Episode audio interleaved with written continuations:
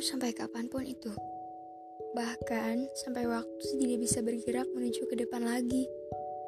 Karena sudah mencapai batasnya. Perkataanmu yang satu itu memang tak pernah bisa aku lupakan. Bagaimana bisa aku melupakan katamu yang satu itu? Sedangkan alasan kamu menyudahi semuanya hanya karena rasa bosan. Konyol bukan?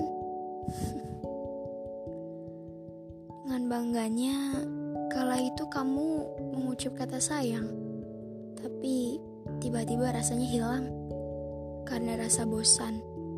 Sama seperti halnya kamu datang hanya untuk pulang.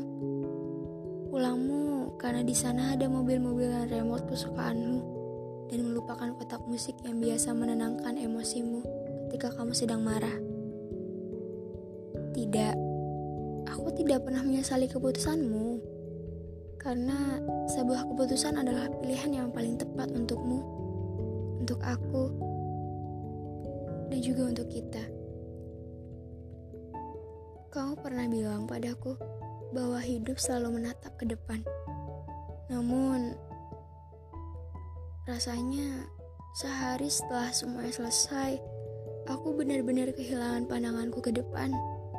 Yang nyatanya, aku selalu memandang ke belakang di mana jalan-jalan sore tanpa tujuan adalah kewajiban. Nah, tidak. Bukan kewajiban, tapi kesenangan. Dengan begitu sederhananya, kamu membuatku terbang dalam kebahagiaan yang paling dalam. Tapi dengan hanya kau pergi, kamu menjatuhkanku begitu saja ke lubang kenaifan yang paling malang. Setelah kamu meninggalkan kotak musik kesukaanmu, dan melupakan perjalanan pulang sekolah disambut rintik gerimis. Aku melupakanmu.